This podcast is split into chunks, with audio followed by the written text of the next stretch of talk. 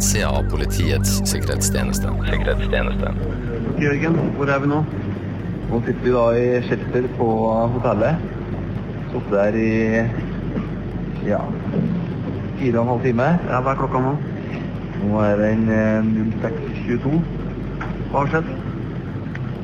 Det har vært eh, smeller eh, ganske i nærheten av eh, hotellet sånn at eh, sikkerhetsansvarlig på ambassaden har trukket ned her òg. PST er jo Norges innenlands etterretnings- og sikkerhetstjeneste. Men det betyr jo ikke at vi ikke forholder oss til det som skjer utenfor våre grenser. Og av og til er ansatte på jobb i utlandet. I denne episoden skal vi møte avsnittsleder for Livvakt, Niklas. Dette er Pst på innsiden av PST. I studio sitter Eirik Veum og Martin Berntsen. Spionasje, etterretning og hemmelighold. Terror og ekstremisme. Trusler, sikkerhet og beskyttelse. PST håndterer de mest alvorlige truslene mot landets sikkerhet. Vi skal ivareta demokratiet. Men hvordan jobber landets sikkerhets- og etterretningstjeneste? Og hvem er menneskene som jobber her? Vi inviterer deg nå med på innsida.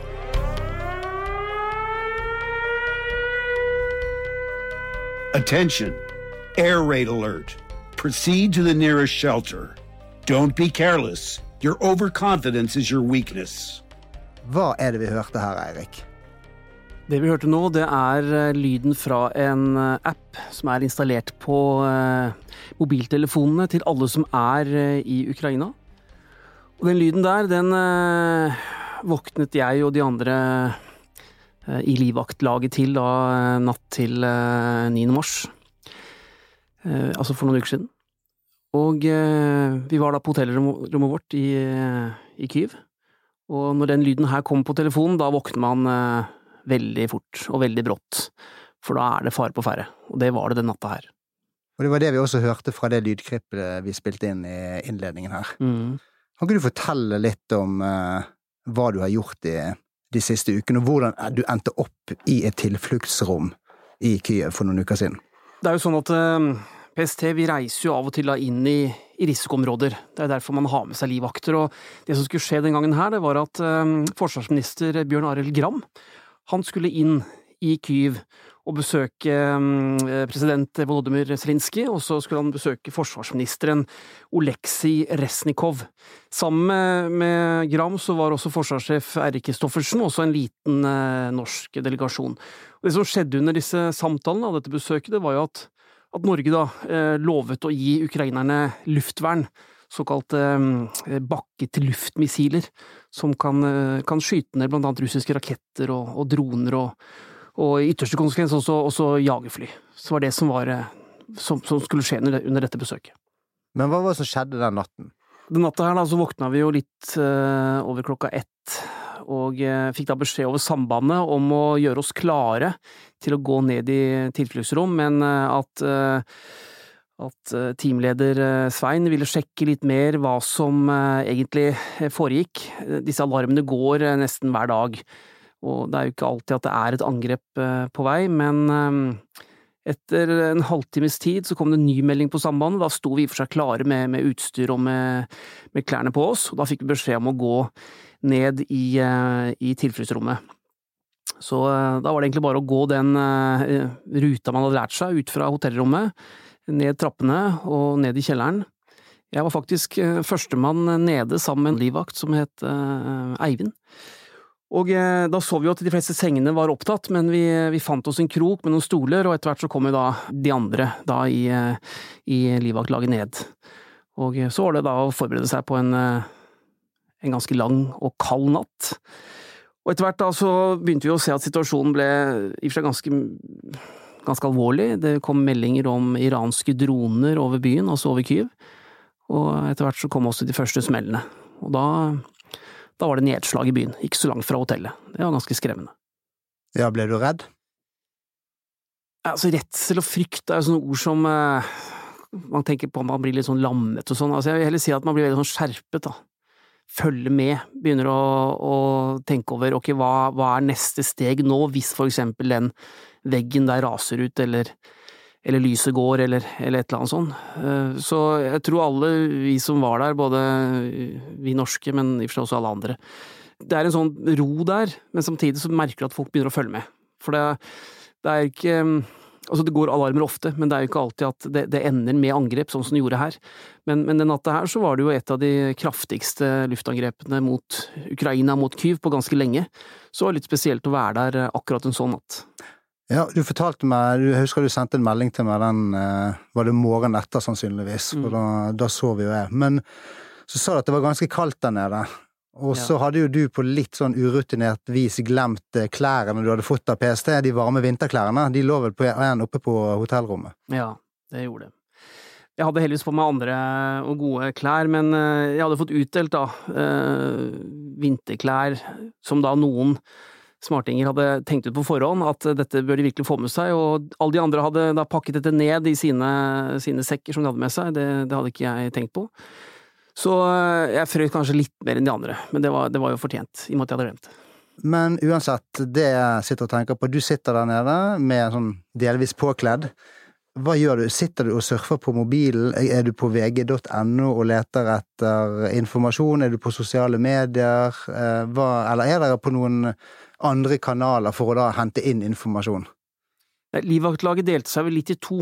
Noen eh, ble bedt om å gå og hvile litt, sånn at vi del, sparte litt på kreftene.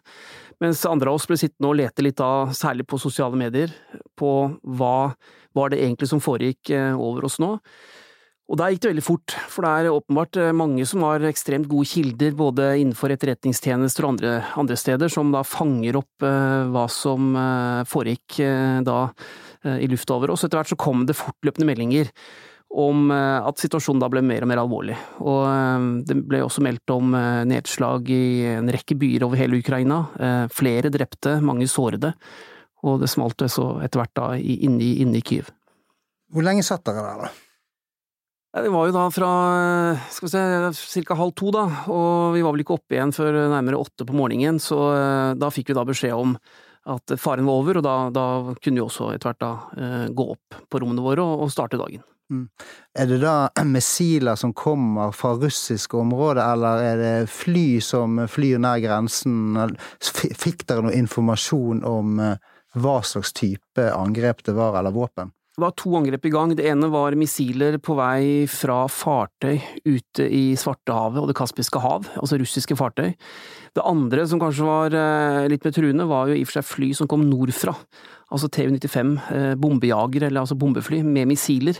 Og når de kom såpass tett eh, inn mot Kyiv at disse missilene da kunne treffe mål der inne, noe de også gjorde, det var da i og for seg situasjonen ble oppfatta som såpass alvorlig at alarmen selvfølgelig da også gikk, og man valgte da fra norsk side, og også alle andre, å gå da ned i, i tilfluktsrommet etter hvert. Og så, når faren er over, så sender de ut denne meldingen her. Attention! The air alert is over. May the force be with you. Og når du spilte av den meldingen for meg, Eirik, når vi kom på jobb, så, måtte, så stusset jeg litt, for jeg syns jeg kjente igjen stemmen. Og det er jo faktisk stemmen til Mark Hamill, som spiller eh, Luke Skywalker i, eh, i Star Wars-filmene. Ja, det visste jeg. Du visste ikke det. Det er jo helt uh, utrolig at ikke du har fått det med deg. Men uh, skal ikke skal, skal, skal ikke bore mer, litt mer Nei, altså, Jeg, jeg var ingen stor Star Wars-fan da jeg, jeg, var liten, sånn du, men du har jo holdt på interessen i voksen alder med romskip og sånn lyssverd og sånn. Det er andre ting jeg har vært mer opptatt av, da. Ja. Men uh, vi trenger ikke fortsette uh, den debatten. Men uh, hvorfor, hvorfor, hvorfor, tror du ukrainske myndigheter bruker referanser fra populærkulturen i, faktisk i sin beredskap?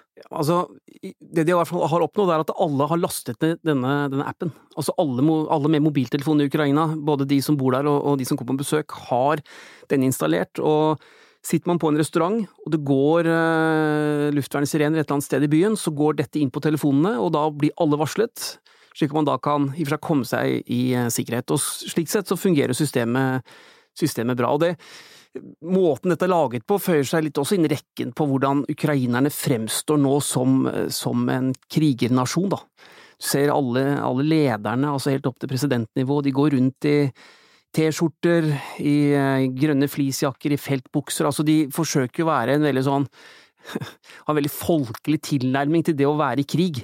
Mens motstanderen deres, der er det generalsuniformer med 100 medaljer, og de er stivpyntede med dress og slips, og, og alt er veldig sånn, eh, kall det elegant. Mens eh, ukrainerne, de har valgt en helt annen type stil, og veldig, får veldig appell for det.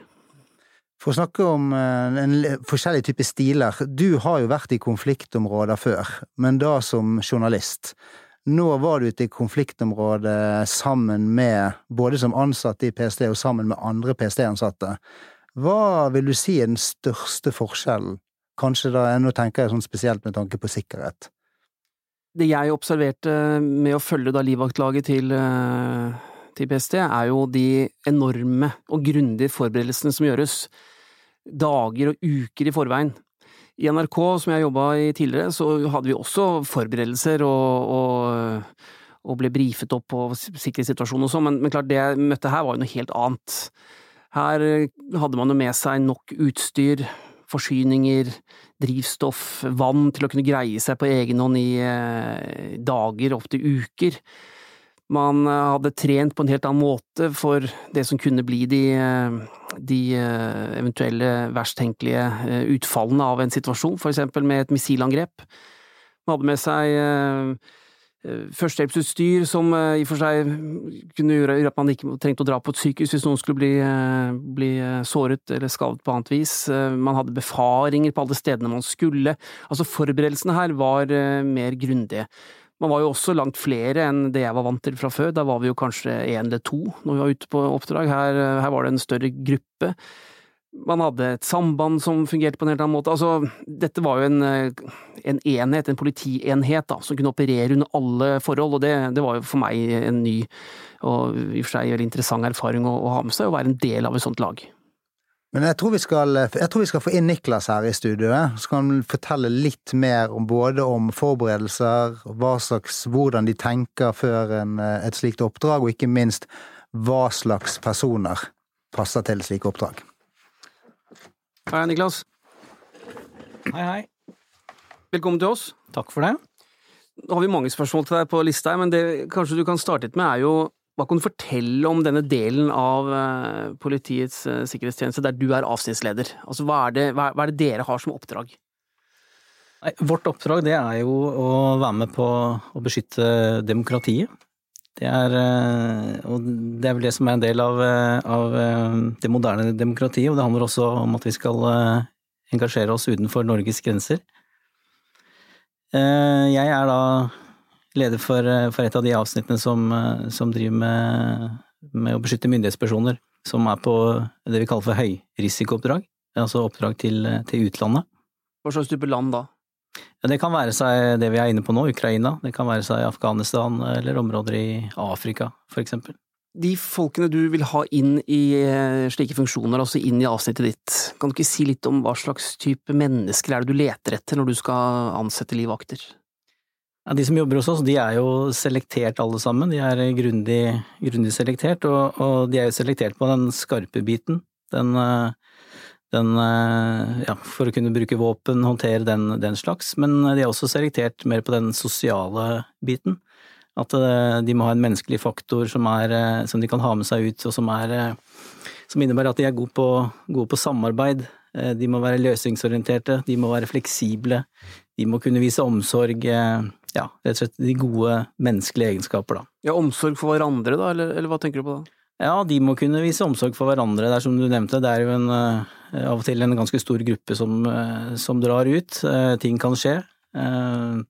Og da er det viktig å kunne vise omsorg for hverandre i gruppa, men vi er også følger tett på myndighetspersoner eller andre delegasjonsmedlemmer som kan ha opplevelser på disse, disse oppdragene våre.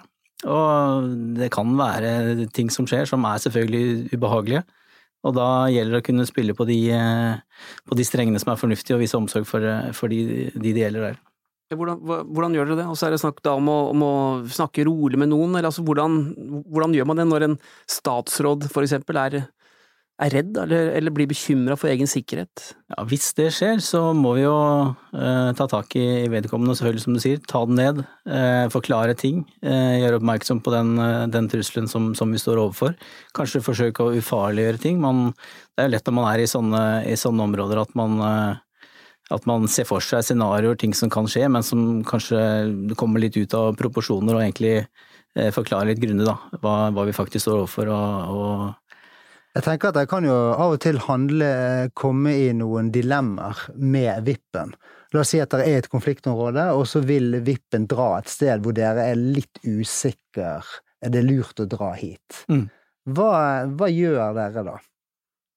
Ja, hvis vi har vært der eh, på forhånd, så, så kan vi jo komme med en anbefaling til, eh, til dem vi er satt til å passe på, om, på om det er fornuftig å dra dit eller ikke. Eh, hvis det er svært viktig, så skal vi selvfølgelig strekke oss langt for å, for å få det gjennomført. Men eh, hvis vi tenker at dette ikke er eh, rett og slett fornuftig å gjøre med tanke på sikkerhetssituasjonen, så, så blir vår anbefaling til, til myndighetspersonen å si at dette, dette, gjør vi faktisk ikke. Både av sikkerhetsmessige årsaker for den vi er satt til å passe på, men selvfølgelig for oss selv og egentlig resten av, av gjengen som er på tur også. En tidligere eh, sjef på livvakt fortalte en gang om eh, hvordan han tenkte når han skulle selektere folk. Ja. Han, delte, han, delte, inn i tre grupper. Mm. En eh, type som når det skjer en overraskende hendelse, da handler personen, og du for eksempel går til angrep. Mm. En annen flykter, og en tredje person, han fryser. Får panikk og fryser. Så sier han Martin, jeg kan bruke kategori én og to, men ikke de som fryser. Hva tenker du om en uh, slik tankegang? Nei, jeg tenker at uh, der er jo vedkommende inne på noe helt essensielt. Vi er jo avhengig av å ha folk som fungerer. Man må gjøre noe, enten om det er å da, som du sier, gå til angrep, eventuelt å flykte. Å bli stående fast i en situasjon og ikke gjøre noen ting og fryse, det er kanskje det siste vi ønsker, rett og slett. Det vil en sikkert spørre seg, hvorfor skal PST sender mannskaper til eh, et konfliktområde. Hvorfor kan ikke det landet man skal til ta seg av dette her selv, eksempel Ukraina? Hvorfor kan ikke ukrainske sikkerhetsvakter løse dette på egen hånd? Hvorfor skal vi dra dit? Det koster masse penger. Ja, det, det er klart det koster masse penger, men eh, dette er vel også nedfelt i, i folkeretten. Eh, og du har jo har et poeng at i utgangspunktet så er, ligger ansvaret hos de lokale myndigheter i det landet vi, vi skal besøke. Men eh, si, vår jobb er jo å beskytte disse myndighetspersonene, enten om det er i Norge eller i utlandet. Og vi differensierer jo disse oppdragene ut ifra de stedene vi skal reise til. Eh, noen steder er det helt greit, og vi kan dimensjonere deretter, men sånne steder så er det rett og slett uoversiktlig, vi vet ikke helt hva vi står overfor. Og da må vi ta høyde for å kunne sikre disse myndighetspersonene på en eh, så god måte som mulig. Og hva kan bli konsekvensen hvis vi, eller utfallet, hvis PST ikke er med? Nei, I verste fall så kan jo det medføre at vi rett og slett mister en av de vi er satt til å passe på, eh, og det er vi ikke interessert i. Eh, så vi må jo vi må følge opp så, så godt vi kan. Eirik, du har jo vært med på en prosess den siste måneden.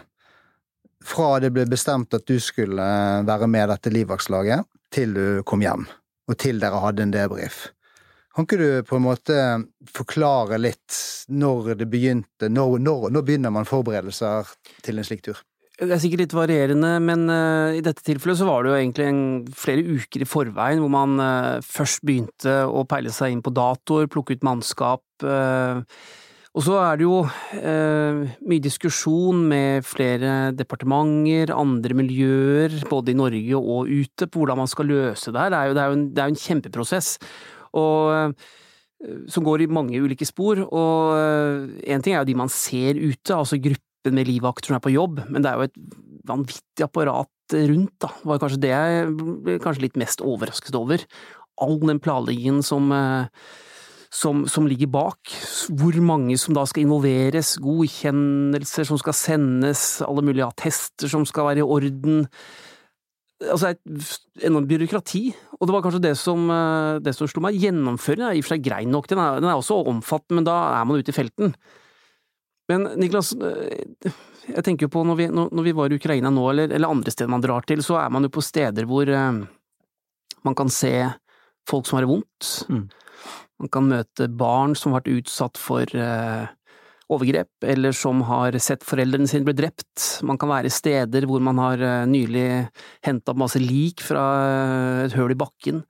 Man kan gå steder hvor det tidligere har ligget eh, mennesker med bakbundede hender og skutt i hodet, sånn som i Butsja hvor vi var nå, da, i Ukraina. Hva gjør det med folkene dine når man kommer hjem med sånne inntrykk? Hva, hva, hva forteller de om det de har sett og opplevd? Nei, de, de, forteller om de inntrykkene som, som, du sier er sånn. Det er klart, det er, Man er jo forskjellig.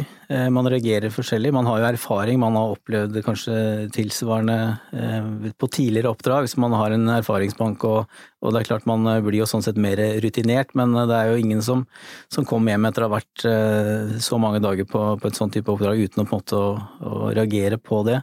Man, så det vi gjør er selvfølgelig at vi prøver å avslutte disse oppdragene. Eh, at man får snakket gjennom ting, at man får eh, ja, tatt en matbit, litt å drikke, diskutert eh, gjennom oppdraget. Og så, prøver vi å ha en oppfølging når de kommer på hjemmebane i ettertid. At man har litt én-til-én-samtaler, litt gruppesamtaler, og så får man egentlig ta det litt derfra. Men at det må håndteres, det er i hvert fall veldig viktig. Jeg vet jo av min egen erfaring, jeg har jo vært i noen sånne områder før, at den største Utfordringen kan faktisk være å komme hjem til mm. det normale, eh, og skulle fungere i en helt ny rolle, kanskje bare i løpet av, eh, av noen timer, da. Eh, hva forteller dine? Nei, de forteller jo for så vidt det samme. De kommer hjem og kanskje vært borte i en uke eller to. Så er det familielivet som, som, som har sine ting. De forventningene som ligger der sånn, om man har vært borte flere, flere dager her sånn, og man skal levere egentlig kanskje dobbelt så mye ettersom man har vært borte. Så eh, man har mye å ta igjen. Og det er klart, når man er sliten fra før, så er det nok noen som kjenner på det at, det at det, er rett og slett tøft å hente seg inn igjen da, etter eh, den type oppdrag. Så det er viktig med, viktig med å få litt hvile. Jeg lurte også, også på dette med for deg, da, når du skal sende folk til sånne områder. Hvilke tanker gjør du deg, som sjef, overordna? Jeg må jo sørge for å De jeg sender, Eh, jeg må jo plukke ut eh, de folka sammen med mine NK-er, eh, de som på en måte jeg tenker er best egna for å løse den type oppdrag. Så de må, de må, fungere, de må fungere mentalt, de må være operative, de må ha overskudd og på en måte være klare for å yte sitt maksimale i den perioden som vi er ute for å, for å løse dette oppdraget vi satt til den perioden. Jeg vet jo også at for en del av dere som, som, er sjefer, og som i og for seg befinner dere da hjemme i trygge Norge, men har det ansvaret da ved å sende folk ut, jeg vet også det kan være belastende. Og når telefonen hjemme hos deg ringer klokka tre om natta, hvilke tanker får du når du har folk ute i oppdrag? Nei, det er klart, Da er jo tanken umiddelbart at uh, man skjønner jo kanskje at det et eller annet har skjedd. Uh, man må da selvfølgelig sørge for å få uh, så raskt som mulig en oversikt over den situasjonen. Kontakt med de som er der nede. hvor er de? hva står vi overfor? Etc. Og så må vi egentlig bare ta det derfra, altså. Har det skjedd at du har fått en sånn telefon? Eh, det skjedde jo nå nylig, altså vi, i forbindelse med det oppdraget som, som du var med på. Så, så, ble man jo, i og med at det var midt på natta, så ble man jo kontakta og, og, fikk en heads up på, på, hva som var i ferd med å, å skje. At det var et større luftangrep mot byen vi var i? Ja. Hvis du skal si litt mer om eh, forberedelsen da, som, eh, som de, dere gjør, hvis du ser bort fra hva jeg, hva jeg var innom, du, hvor viktig er eksempel dialogen man har med, med det politiske miljøet, med eksempel Utenriksdepartementet og Forsvarsdepartementet i det tilfellet her, da? Det er jo kjempeviktig. Vi er jo det er ikke bare vi som, som driver sånt oppdrag, det er jo, du nevner departementer, andre samarbeidende enheter, søsterorganisasjoner osv. osv. Den er jo helt avgjørende for at vi skal kunne få mest mulig informasjon om det vi står overfor eh, dit vi skal eh, reise. Jo mer vi har på blokka, eh, jo mer vi kan, jo mer oversikt vi har, jo bedre forutsetninger har vi da for å løse oppdraget på en god og ikke minst sikker måte for, for den personen vi er satt til å passe på. Vi ser litt på den ressursbruken igjen, da. Ehm, er det mulig å anslå hva et sånt oppdrag koster? Ja, det, det, er jo det er ikke småsummer vi, vi, snakker om her sånn. Det er klart det er ressurskrevende. Jeg tror ikke vi skal komme inn på kroner og øre, kanskje, men eh, når det gjelder materiell, personell, alt som er involvert, så, så er, det jo, er, det jo, krevende for, for mange. Eh, og størstedelen av oppdraget er jo det som foregår før man egentlig drar. Det er det som kanskje er mest krevende, i hvert fall for oss som, som blir på hjemmebane. Men uh... Når du sitter på utsiden og ikke er på innsiden, så sitter man, så ser man på TV, og så ser man Så, så, så kjenner man jo igjen en del livvakter. Det tror jeg alle gjør, for det, det, er jo tross alt ikke så mange. Ja. Så eh, der er jo sånn sett uh, kjente fjes for andre enn oss på innsiden. Mm. Men du, du, sitter med en følelse av at dere kommer med vippen, altså en statsråd for eksempel, og dere reiser med han eller henne. Men dette her, det du har vært med på nå, Eirik, og det du forteller om, det er jo så mye mer enn akkurat når dere setter dere på et fly fra Gardermoen og kjører og kommer tilbake. Ja, jeg tror vi kan vel si at det er vel egentlig bare toppen av det berømte isfjellet. Ja. Dere drar jo ned ofte i forkant av en reise, rett og slett for å bli kjent. Kan du si litt om det? Ja, det er klart. Vi, det er helt avhengig av det landet vi skal, skal besøke. Forberedelsene er kanskje det viktigste vi gjør. Vi, vi, reiser ned, eh, prøver å ta oss eh, såpass god tid at vi forsøker å skaffe oss en oversikt over en måte, hva som er eh, det vi kan kalle for normalen da, i det landet vi skal besøke. For det er jo hele poenget vårt, at vi skal prøve å, å sense det som kanskje er unormalt for å kunne avdekke en situasjon som, som oppstår. Og da må vi bruke tid i forkant for å, for å få en oversikt eh, over dette her sånn. Hvis det skjer noe her, så må vi ha en vei ut hit, og da må vi kjøre bilen. Altså det, hvor, hvor, detaljert er det? Kan du gi et eksempel på det? Da er vi nede på mikronivå. Det er som du sier, altså hvis et eller annet uh, skjer, så må vi på en måte ha en plan A, kanskje en plan B, og ikke minst en, en plan C Eh, og da må vi vite kjøreruter, vi må vite hvor, eh, hvor bygninger er, hvor nødutganger er, etc., etc. Så vi overlater i minst mulig grad eh, noe særlig til tilfeldighetene, men at når et eller annet oppstår, så skal vi kunne handle, ikke fryse som, som du var inne på i stad. Og da skal egentlig planen bare iverksettes ved hjelp av noen raske kommandoer. Til og med hvor lang tid det tar å løpe ned en trapp. Altså, ja, teller, teller trappetrinn, med andre ord? Iallfall har et anslag om hvor lang tid ting tar og å løpe ned fire etasjer. Hvis man skal eh, for eksempel et kjemisk angrep, da, eller eh, hva, hva det måtte være. Så handler det om om man skal ha med seg gassmaske eller ikke, for eksempel. Eller ta med varmt vintertøy ned i tilfluktsrom. Det kan også være en ting man skal tenke på. Det handler om forberedelser. Erfaring. Eh, bare et lite spørsmål til om dette med ressursene. fordi eh, Det er jo ikke sånn at eh, vi i PST bare helt på egen hånd bestemmer hva vi skal bruke på sånne oppdrag. Det, det forankres jo i andre miljøer også, kan du ikke si litt om det? Tenk på departement, altså Hvis vi skal for eksempel gjøre et oppdrag, så, så har vi jo dialog rundt ressursbruken. Det er helt riktig. Vi, vi si, estimerer på en måte kostnader hva dette her koster i kroner og øre. Eh, og dette blir oversendt til statsministerens kontor, som eh, har arbeidsgiveransvaret. Og det er de som på en måte kvalitetssikrer og setter sitt stempel på om dette er greit å gjennomføre eller ikke. Kan du si noe om hvor neste oppdrag skal løses nå? Nei, det, de står i hvert fall i kø, det kan jeg si. Vi har nok å drive med i tiden fremover. Så Hvorfor, hvorfor må det være så hemmelig hvor statsråden hvor skal? Nei, det, det er ut ifra sikkerhetsperspektivet. Altså, vi ønsker selvfølgelig å dele minst mulig. Eh, vi kan gjerne dele ting litt sånn i ettertid, sånn som det vi sitter og snakker om nå. Men eh, i forkant så ønsker vi selvfølgelig å holde kortene tettest mulig til brystet. Det er sånn at man ikke engang sier hjemme til barna hvor man skal? Nei, vi prøver å unngå det. Og rett og slett for bare holde korta tett til brystet. Ja, det gjelder jo flere, flere seksjoner og enheter med PST, det. Det er jo kanskje litt av, det jo litt av kjennetegnet med å jobbe på innsiden. Da, at vi faktisk er en del ting vi rett og slett ikke kan snakke om før det har skjedd. Det. Og kanskje ikke da heller. Og kanskje ikke da heller. Man må ta tiden til hjelp. Eh, jeg tenker at eh, hvis vi skal runde av her, så, er, så gjør vi jo Disse oppdragene gjør vi ikke av vår egen grunn. Nei. Vi gjør jo det for at våre folkevalgte skal kunne utføre sitt yrke. Ja. På den måten kan man jo si at livvaktene til PST egentlig er garantister for demokratiet vårt, da. Ja, det kan vi gjerne si. Tror vi gir oss der, Erik. Det gjør vi. Takk for at du kom innom studiet vårt, Niklas. Takk for at du fikk komme. Ser du noe, si noe. Men bruk sunn fornuft. Kontakt oss på pst.no.